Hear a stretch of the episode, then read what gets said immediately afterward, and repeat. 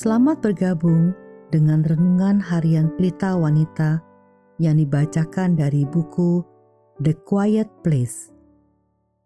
Pembacaan Alkitab hari ini diambil dari Mazmur 56 ayat 9 sampai 14. Sengsaraku, engkaulah yang menghitung-hitung. Air mataku, kau taruh ke dalam girbatmu Bukankah semuanya telah kau daftarkan? Maka musuhku akan mundur pada waktu aku berseru. Aku yakin bahwa Allah memihak kepadaku. Kepada Allah, firman-Nya kupuji.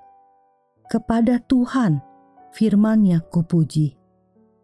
Kepada Allah, aku percaya. Aku tidak takut Apakah yang dapat dilakukan manusia terhadap aku? Nasarku kepadamu ya Allah, akan kulaksanakan, dan korban syukur akan kubayar kepadamu. Sebab engkau telah meluputkan aku daripada maut, bahkan menjaga kakiku, sehingga tidak tersandung.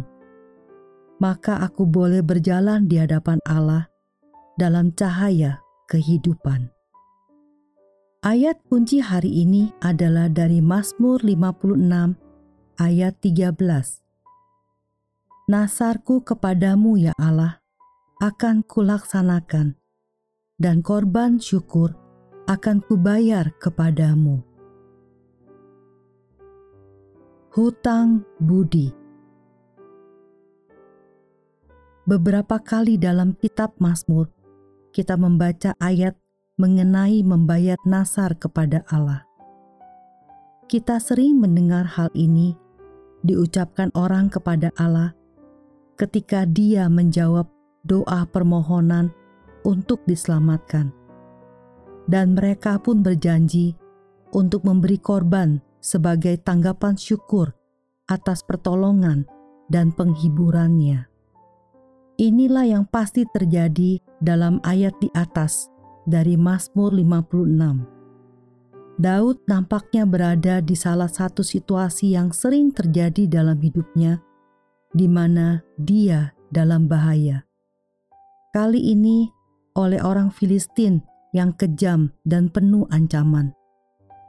Dia telah ditangkap seperti yang diyakini oleh komentator, oleh musuh-musuh bebuyutan umat Allah dan sekarang Daud berada dalam krisis yang luar biasa.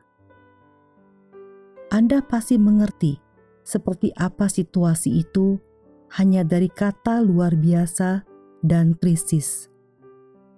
Dan seperti yang mungkin akan Anda lakukan jika berada dalam situasi yang sama, Daud bereaksi terhadap keadaannya yang suram dengan cara sungguh-sungguh memohon pertolongan Allah dan berjanji untuk melaksanakan nasarnya sebagai ucapan syukur.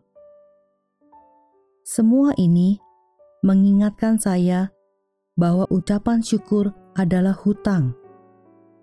Hutang yang kita miliki. Ketika kita mengucap syukur di hadapan Allah, kita mengakui Dia sebagai sumber dari setiap berkat, setiap perlindungan, setiap detak jantung, penyelamat dari setiap pencobaan. Bahkan ketika bentuk penyelamatan yang dipilihnya hanyalah memberi kita kekuatan yang kita butuhkan untuk melewatinya. Kita tidak memiliki hidup, harapan, kesehatan, anugerah, kekuatan, damai, kekudusan, atau apa pun di luar apa yang telah diberikan olehnya dan yang akan terus diberikannya kepada kita. Jadi, jika Anda memiliki hutang ucapan syukur hari ini, penuhilah kewajiban Anda untuk memberikan ucapan syukur Anda kepada Dia. Dia layak untuk segalanya. Sebagai penutup, mari kita renungkan pertanyaan ini.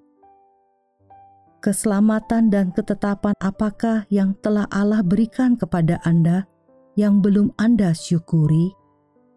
sekarang adalah waktu yang baik untuk mengucapkannya.